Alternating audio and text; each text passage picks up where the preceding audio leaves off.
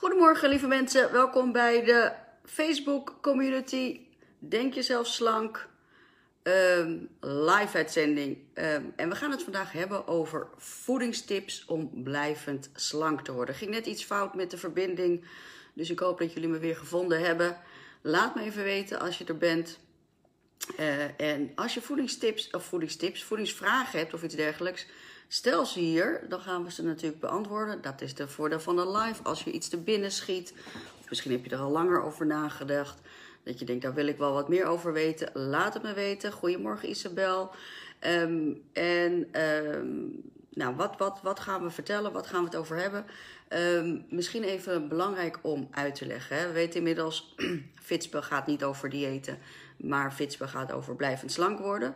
Maar ja, om blijvend slank te worden moet je eerst natuurlijk wel afvallen. Dus uh, er zijn natuurlijk wel tips gewoon te geven over hoe kan je je voeding aanpakken, zodat je ook blijvend slank wordt. Ik zie alle mensen binnenkomen. Welkom lieve mensen. Sandra, Marielle, Antje. Oh, wat leuk Antje dat je er bent. Lang geleden, lang niet gezien, gehoord, gesproken. Uh, Sandra, andere Sandra. Welkom jongens. Um, allereerst is het belangrijk om, uh, ja, als je, het, als je het hebt over voedingstips om blijvend slank te worden, gaat het vooral ook over hoe jij omgaat met voeding. Wat is jouw relatie met voeding? Hoe kijk je tegen voeding aan? Um, is er iemand die zegt van nou dat komt in mij op als ik denk aan voeding, dan denk ik als eerste aan puntje, puntje, puntje. Laat me eens even weten wat het eerste bij je opkomt als we het hebben over waar denk je aan als we het hebben over voeding. Iemand die, uh, als je iets te binnen schiet, laat het me weten. Is voeding bijvoorbeeld echt een voedingsstof hè, om, om je te voeden? Is voeding een sociale iets? Is voeding waar je plezier aan beleeft? Of heb je misschien juist wel een hekel aan eten? Uh, heb je een uh, haat-liefde verhouding met eten? Zie je het als beperking of zie je het als ja, aanvulling van het leven? Laat me eens even weten wat je met denkt als we het hebben over voeding in het algemeen. Marielle zegt minder eten, maar ik bedoel meer niet per se om het af te vallen, maar meer gewoon in het algemeen. Dus nu even de vraag aan jullie. Hè? Wat is je gedachte als we het hebben over voeding? Hoe ga je met voeding om? Voor mij bijvoorbeeld, voeding is echt. Voor mij is voeding echt genot. Echt plezier en genot. Ik kan echt genieten van voeding. Ik kan echt. Uh, nou, voorbeeld te noemen. Ik heb liever voor mijn verjaardag een lekker diner dan een heel mooi cadeau. Weet je wel? Ik kan daar echt van genieten als een ja, zelfs als een soort van experience. um, en um, dan gaat het natuurlijk altijd om de hele context. Hè? Het gaat natuurlijk om waar je bent, met wie je bent, hoe ziet de omgeving eruit. Uh, Antje zegt uh, lekker en smullen. Lekker eten, zegt ook Marty. En nou, er zijn altijd meestal, de meeste mensen ervaren eten toch wel als een sociale contextgevoelige, uh, plezierige bezigheid. Maar waar gaat het dan mis? Isabel zegt ook lekker eten is lekker. Waar gaat het dan mis? Waar gaat het mis? Waar gaat het mis dat je ook gaat eten als je eigenlijk niet in die context van plezier, genot en geluk begeeft. Hè? Want iedereen kan zich begrijpen, kan zich voorstellen wat ik net omschreef. Als je in een context bent en ik ben jarig, ik ben volgende maand jarig. En ik weet nu al waar ik naartoe ga. En uh, iedereen begrijpt dat je dan ook anders met eten omgaat dan wanneer je gefrustreerd bent en gestrest bent door die hele vreselijke, verschrikkelijke klote lockdown die maar doorduurt. En vervolgens uh, gestrest op de bank ploft uh, en denkt: Zo, nou is het tijd voor mij en nou ga ik even die zak chips wegvreten. Iedereen kan zich indenken dat dat een andere context, relatie, maar ook vooral gevoel geeft dan wanneer je bewust kiest voor plezier hebben in dat eten. Dus laat eens even weten wie ervaart eten vanuit onvrede, vanuit stress vanuit ja, ongelukkig zijn misschien wel, misschien zelfs eenzaamheid. Wie ervaart die momenten, misschien juist de laatste jaar wat meer dan normaal? Zijn er mensen die daar dat herkennen? Laat eens even weten, jongens. praat met me mee. Dus echt het eten niet om te voeden, niet vanuit echt het vergroten van plezier en van geluk, maar echt het eten vanuit het, niet het voeden, maar het vullen. Het vullen van iets ontastbaars. Eh, en meestal eh, het vullen van iets ontastbaars wat een negatief gevoel geeft. Heeft. Hè? En dat denk je dan te vullen met, uh, met, met het wegvreten. Uh, Marielle, uh, herkenbaar zegt Antje. Uh, Marielle zegt nu minder omdat mijn man thuis is. Ik ben een stiekeme eter. Dat is fijn en eerlijk dat je dat zegt, Marielle. Dankjewel voor je eerlijke antwoord. Ik heb dat zelf ook gehad. Ik weet, ik was, ik was, nou, ik was, niet, ik was wat, misschien wat molliger dan de rest van mijn familie. Ik werd thuis dan door mijn moeder zogenaamd liefkozend het patatje genoemd. Maar mijn moeder was eigenlijk altijd aan het diëten. Dus door die context dat mijn moeder nooit tevreden was met haar gewicht, terwijl ze echt niet dik was hoor. Maar achteraf, als je nu die foto's ziet, dan denk je, jeetje Christus, waar, waar al die energie. En vanuit die context dat zij dus altijd met diëten bezig was en mij dan vervolgens patatje noemde, dat kan, dat heeft voor mij in ieder geval een negatieve uh, impact gehad. En uh, het bewustzijn in ieder geval dat ik te dik ben, te, te veel overgewicht heb. Wat op zich, als ik nu weer de foto's terugkijk, helemaal niet zo was. Maar uh, toen, ik was een jaar of 14, 15, toen kreeg mijn oom een sportschool. En dat vond ik zo, zo interessant. En daar mocht ik toen gaan werken. En toen ging het heel goed met mijn lijf, want ik was echt heel erg hard aan het sporten. Ik heb altijd gesport. Ik vond sporten altijd, bewegen sowieso altijd heel erg fijn.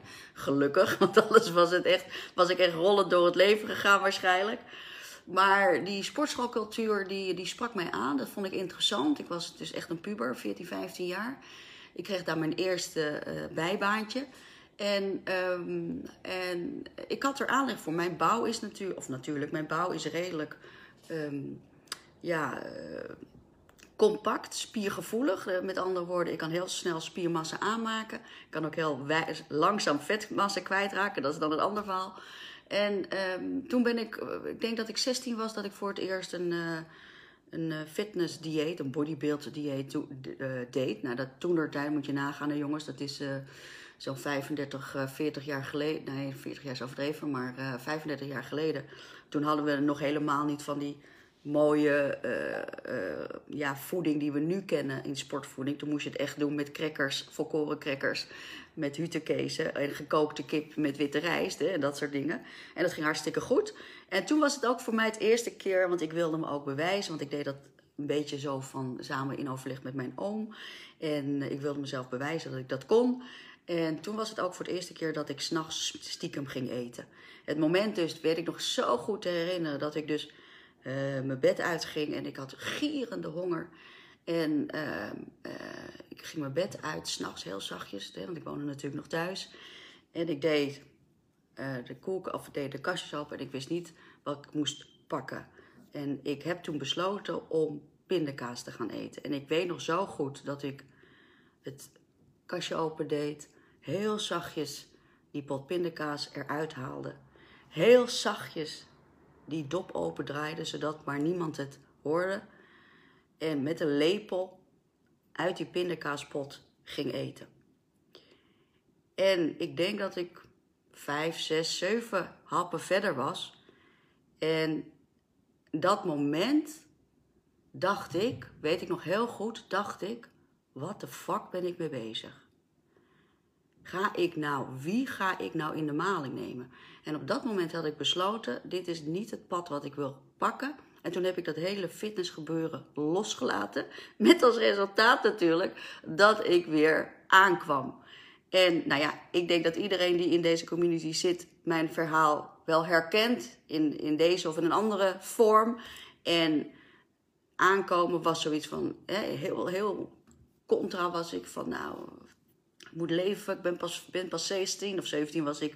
Geniet van het leven. Ik ging toen ook voor het eerst op vakantie in mijn eentje. En uh, nou, veel uitgaan enzovoort. Dus het schoot helemaal de verkeerde kant op. En toen was ik natuurlijk helemaal ongelukkig, omdat ik niet meer voor mezelf zorgde. Nou, in retrospectief weet ik uh, inmiddels door alle kennis die ik heb opgedaan uh, hoe dat proces werkt. Maar toen was dat voor mij best wel een confrontatie.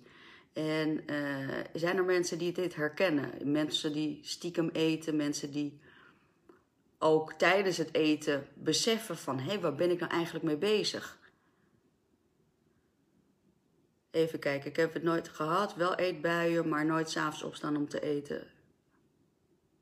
Nee, hoeft niet per se, ik bedoel niet per se dat je s'nachts gaat eten, maar dat je gewoon uh, gaat eten op momenten dat het eigenlijk helemaal niet nodig is. En dat je dan beseft, wat ben ik nou in godsnaam mee bezig? Dat besef van, het klopt ergens iets niet, weet je wel? Ik, ik doe dit, maar ergens klopt het niet. Ik wil dit, maar ik doe dat. Nou, inmiddels weet ik, dat heet in leefstijlcoach, ik heet dat ambivalentie. En dat is standaard proces. Je kan niet zeggen dat iemand die uh, bij mij komt als leefstijlcoach... of die sowieso uh, uh, leefstijlgerelateerde gedragsverandering wil toepassen... Uh, daar is altijd sprake van ambivalentie. Ambivalentie wil zeggen, ik wil dat dit, maar ik doe dat. Dus die discrepantie daartussen, ik wil dit, maar ik doe dat. Dat is eigenlijk ja, wat er altijd gebeurt. Maria zegt niet tot besef, maar wel stiekem dingen meenemen naar mijn kamer, pakken koekjes enzovoort. Uh, Beliske zegt ja, dat wel. Soms ga ik gewoon in de voorraadkast kijken om wat, wat er te vinden is. Antje zegt ja hoor, herkenbaar. En als we het dan hebben over uh, waarom komt, waar komt dat vandaan? Voordat ik dus naar de tips kom, jongens, wil ik het echt even met jullie hebben van dat je gaat beseffen waar komt dat vandaan. En dat kan vandaan komen door een jezelf beter willen voordoen dan je eigenlijk bent, natuurlijk. Met andere woorden, niet eerlijk zijn naar jezelf. Uh, niet de moed hebben om tegen jezelf te zeggen: Ik kan dit gewoon even nu niet volhouden. Hè? Het, het, het sterker willen voordoen dan je in werkelijkheid bent. En dat is iets wat we deze tijd natuurlijk heel veel zien. Hoeveel, of eigenlijk moet ik zeggen, hoe weinig mensen gaan hulp vragen als ze ergens mee zitten. Dat is de hele, het hele probleem natuurlijk van de hoge stressfactor. Mensen erkennen niet dat, er, dat ze tegen een plafond aanlopen. En uh, sinds dat ik jou ken gaat het trouwens een stuk beter. Nou, dat is lief Marielle. Gelukkig, dan ben je hier niet voor niks. Um, maar waar komt dat vandaan? Waar komt dat vandaan? We weten, nou ik heb het vaak genoeg gezegd, we weten dat ons gedrag wordt bepaald door zintuigelijke ervaringen, vanaf de geboorte tot het moment waar je nu staat. Maar dat niet alleen. Het is te gemakkelijk om te zeggen, het komt daardoor. Nou, dit is niet te gemakkelijk. Het is eh, verstandig om dat te zeggen. Maar je moet ook beseffen hoe hormonen werken. Als jij iets heel graag wilt en dat geeft een plezierig gevoel, dan komt er uh, dopamine vrij in je lichaam. Hersenen geeft, stuurt dat aan en dan komt dat vrij. Dopamine wordt nog steeds altijd gezien als het pleasure hormoon, maar dat is absoluut niet het geval. Wanneer je de pleasure, de, het genot ervaart, namelijk het moment dat ik die 6, 7 lepels uh, pindakaas at, uh, dan zakt in één keer die dopamine level. Uh, dus dat is niet het pleasure hormoon, het is eigenlijk meer het motivatiehormoon. Het dreigt, de, de, het, nog een keer, het drijft ons naar een bepaalde handeling. En het vervelende is van deze dopamine, is dat het die handeling steeds weer wilt ervaren. Dus de gedachte, wat het voor plezier het oplevert als ik nu ga volvreten, dat wordt gestuurd, versterkt moet ik eigenlijk zeggen, gestuurd door jouw uh, ervaring uit het verleden, zintuigelijke ervaringen uit het verleden, die zijn opgeslagen in je limbische brein, maar die worden versterkt door dopamine. Het moment dat ik dus mij te, ja, toegeef aan dat genot, zakt ook meteen die dopamine.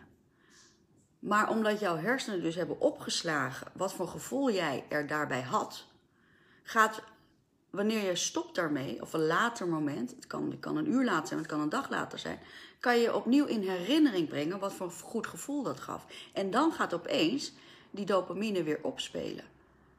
Die dopamine die stuurt jou eigenlijk weer naar dat ongewenste, ongezonde gedrag.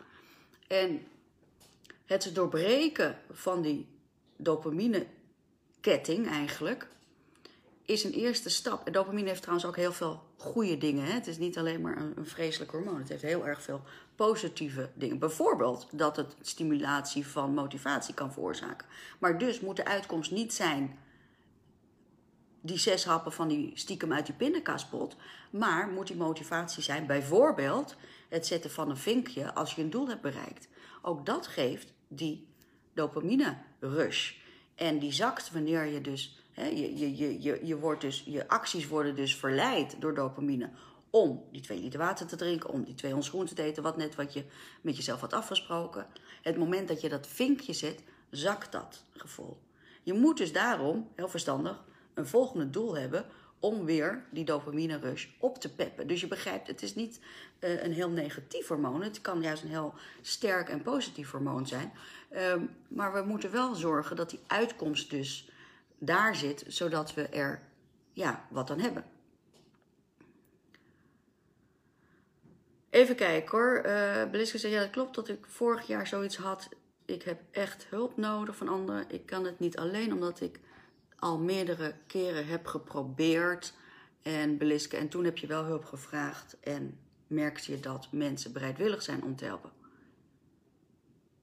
Ook als je ziet dat er weer een kilo afgaat, heeft dat ook het gevoel. Absoluut, Isabel. Daarom is het zo belangrijk dat wanneer we streven naar blijvend slank worden, is natuurlijk de beginfase, wat we dus doen met fitspel, is wel slank worden natuurlijk. En met fitspel zijn we dus aan het slank worden en tegelijkertijd jouw brein aan het reinforcen om slank te blijven. Maar je moet natuurlijk eerst slank worden, dat lijkt me logisch. Hè?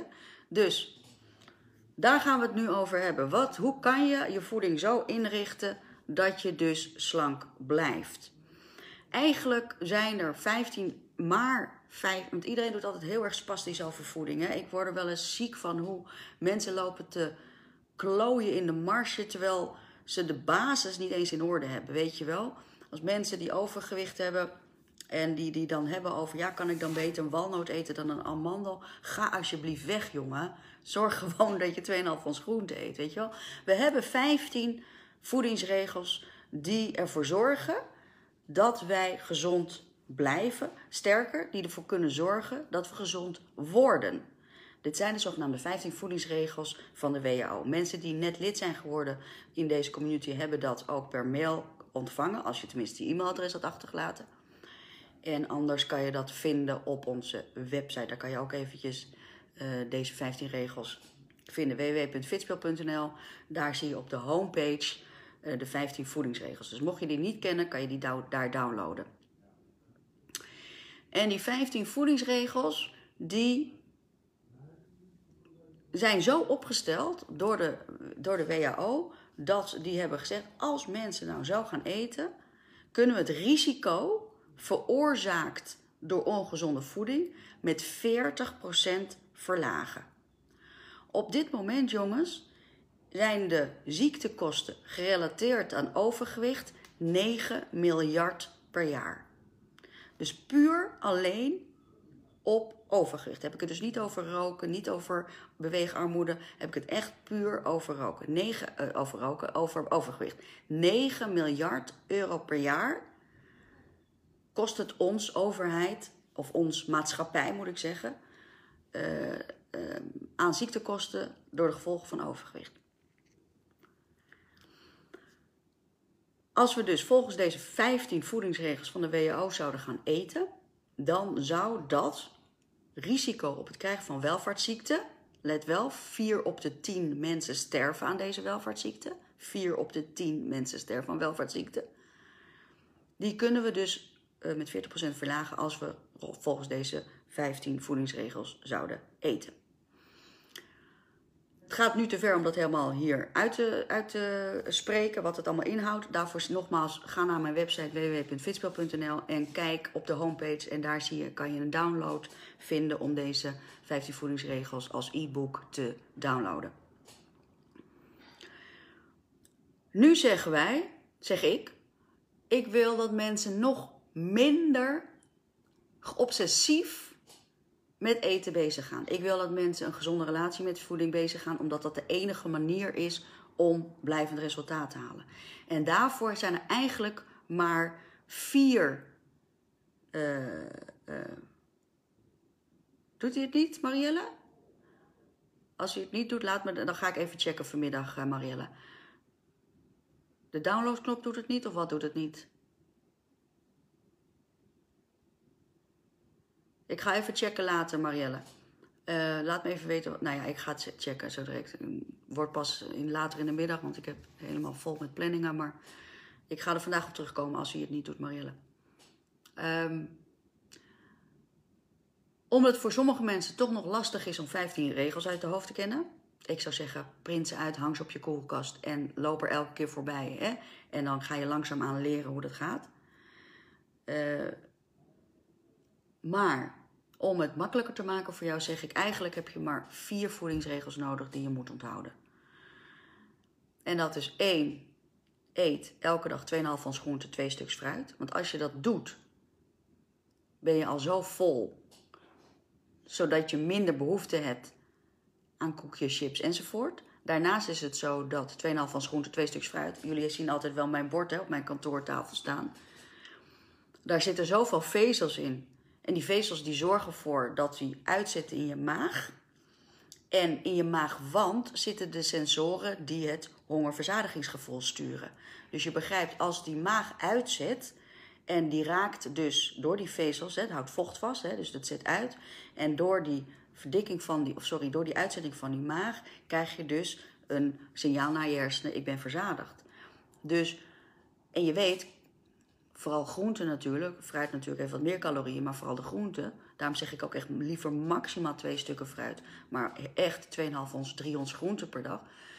Uh, daar zitten praktisch geen calorieën in. Dus als je en je maag kan vullen en een verzadigingsgevoel signaal hormoon hè, naar je hersenen laat geven, um, dan zal je dus merken dat je dus minder behoefte hebt gewoon aan zakken chips en pakken koekjes enzovoort puur fysiologisch gezien heb ik het natuurlijk niet over de wens die, die wordt veroorzaakt vanuit de hersenen. Dat is één. Dus 2,5 van groente, twee stuks fruit. Twee is, vervang alle witte meelproducten voor volkoren producten. Vervang alle witte meelproducten voor volkoren producten. Dat wil zeggen, geen witte rijst, maar zilvervliesrijst. Geen witte pasta, maar volkoren pasta. Geen wit brood, maar volkoren brood. En ehm, alle producten waar witmeel in zit, laat je staan. Nou ja, dat zijn dus alle koekjes en cakejes en witte broodjes en kadetjes en puntjes en croissantjes enzovoort. Dus je kan je voorstellen, meestal is het zo dat daar waar de witte meel in zit, zijn vaak de meer calorierijke producten. Dus als je die weet te vervangen voor volkoren producten, uh, dan heb je vaak veel minder nodig. Het voordeel natuurlijk daar ook weer van is dat volkorenproducten. A, waarom het heel belangrijk is, is natuurlijk omdat er, of natuurlijk, is, dat zijn de koolhydraten. Dus je hebt ze nodig voor energie. Niet alleen fysieke energie, maar vooral ook energie voor je hersenen. De verhouding energie-hersenen, energie, suiker, hersenen, suiker, lichaam is 1 op 10. Met andere woorden, jouw lichaam heeft één lepel suiker nodig. En jouw hersenen hebben 10 lepels suiker nodig voor, uh, voor de werking van jouw brein. Dus dat is super belangrijk om te weten. Daarom ben ik ook altijd zo tegen een ketogeen dieet. Mits je een, uh, een prediabetes bent of een diabetes, diabetes, uh, diabetes type 2 hebt, dan is misschien een ketogeen dieet functioneel, maar dan alleen onder begeleiding van een diëtist. En anders moet je gewoon geen ketogeen dieet doen, omdat die suiker heb je echt gewoon nodig, koolhydraten. Maar dan wel vanuit de whole grain, dus vanuit de meervoudige koolhydraten. Uiteindelijk wordt dat door het verteringsproces, door het stofwisselingsproces, wordt dat uiteindelijk ook een enkelvoudige suiker in de vorm van glucose. Gaat dat door je hersenbarrière heen en kan jouw hersenen dus dat gebruiken voor energie. Maar je hebt het echt wel nodig. En ehm, sterker nog, als mensen dus echt ketogeen gaan eten, en ketogeen eten is dus echt minder dan 20% koolhydraten van het totaal energie wat je per dag eet, dan kan je dus juist jouw insulinegevoeligheid verstoren. Met andere woorden, je gaat misschien ketogeen eten om af te vallen, maar je veroorzaakt daarmee een insulineprobleem, wat het risico op hart- en vaatziekte, of sorry, wat het risico op, eh, op suikerziekte vergroot. Dus niet zomaar gaan experimenteren. Ik raad het sowieso af. Hou het gewoon op gezonde voeding. Dus dat is twee. Vervang dus alle witte meelproducten door volkoren en eet gewoon witte meelproducten niet meer. Waardoor je dus automatisch veel minder uh, calorieën naar binnen gaat krijgen. Um, drie is uh, eet zo min. Uh, moet, ik heb er eigenlijk vijf in plaats van vier. Nee, Drie, vier. Nou ja, nou ja. Anyway, drie is drink tenminste twee liter water per dag. En probeer voor elke maaltijd een glas water te drinken. Ook weer hetzelfde effect wat je hebt met die maaguitzetting bij die vezels van die groente en die fruit.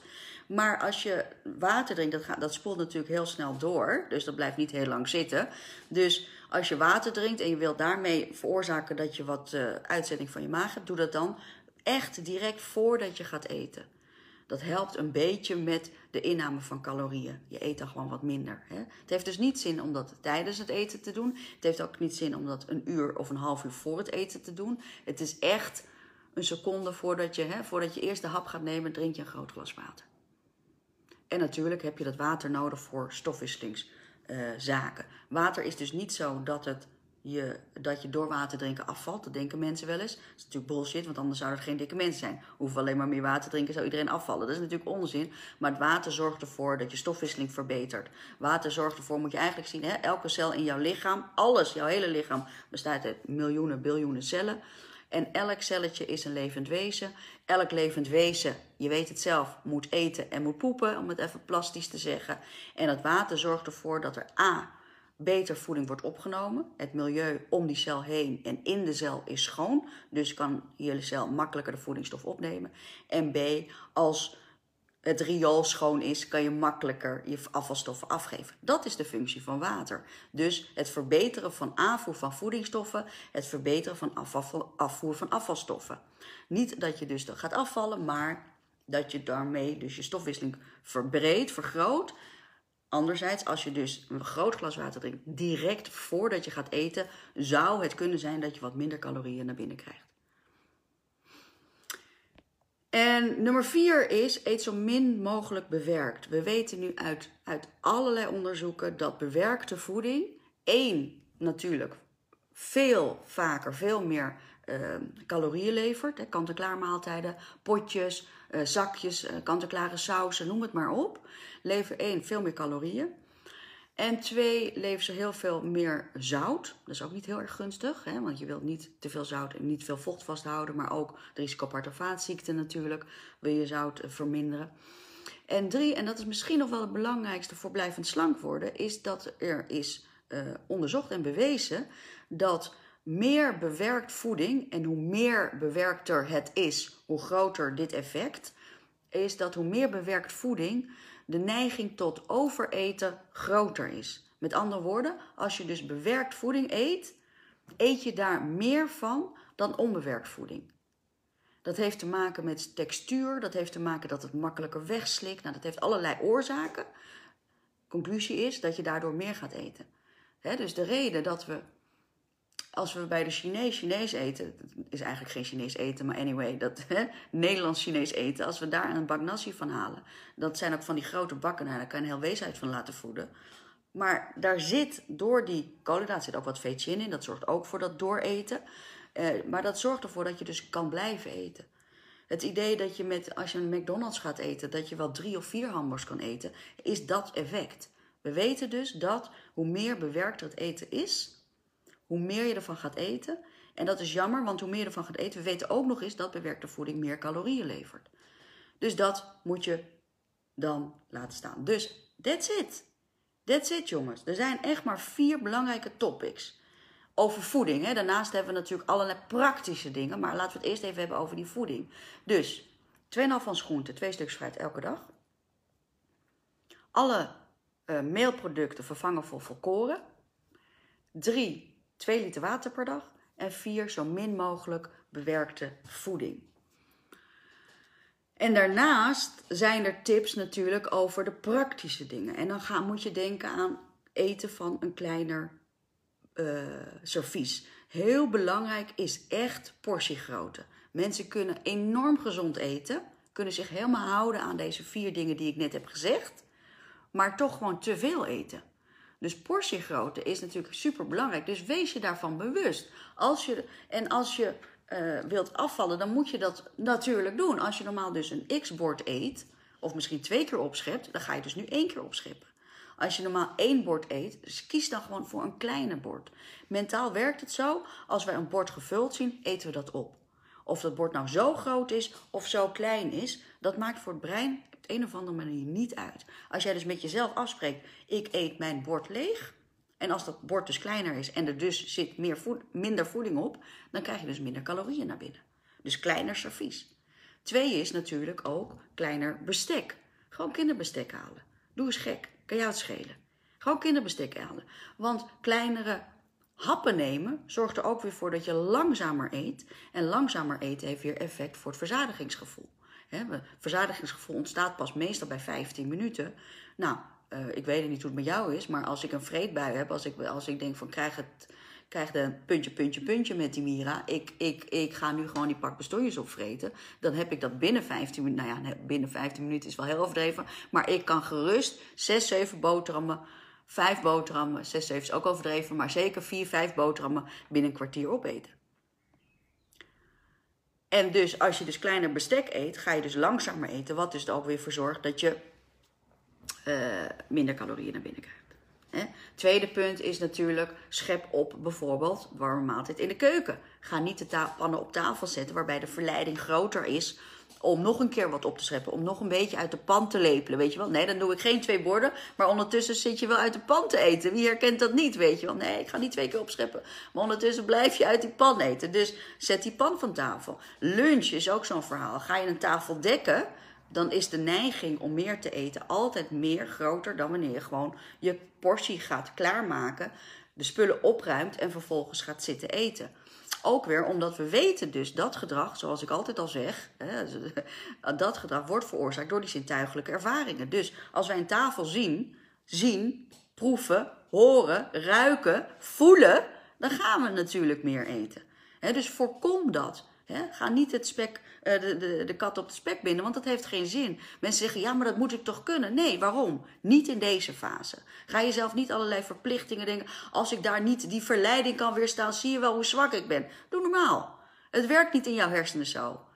Jouw gedrag wordt gestuurd vanuit wat jouw zintuigelijke waarneming is. Dus ga jezelf niet straffen dat je dat al moet kunnen, dat je al die verleiding moet weerstaan. Hou op zeg. Zo werkt het gewoon niet in je brein. Doe dat gewoon niet. Voorkom dat gewoon. Haal het niet in huis. Schep op in de keuken. Zet de pannen weg. Ga niet de tafel dekken, maar maak je portie klaar in de keuken. Dat zijn allemaal die dingen, die praktische dingen, die daarbij een rol spelen. Omgeving creëren waarbij jij de verleidingen van meer eten en meer ongezond eten gaat weerstaan.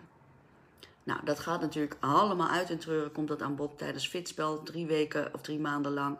Um, en dus het gaat niet om diëten, jongens. Nogmaals, het gaat niet om diëten.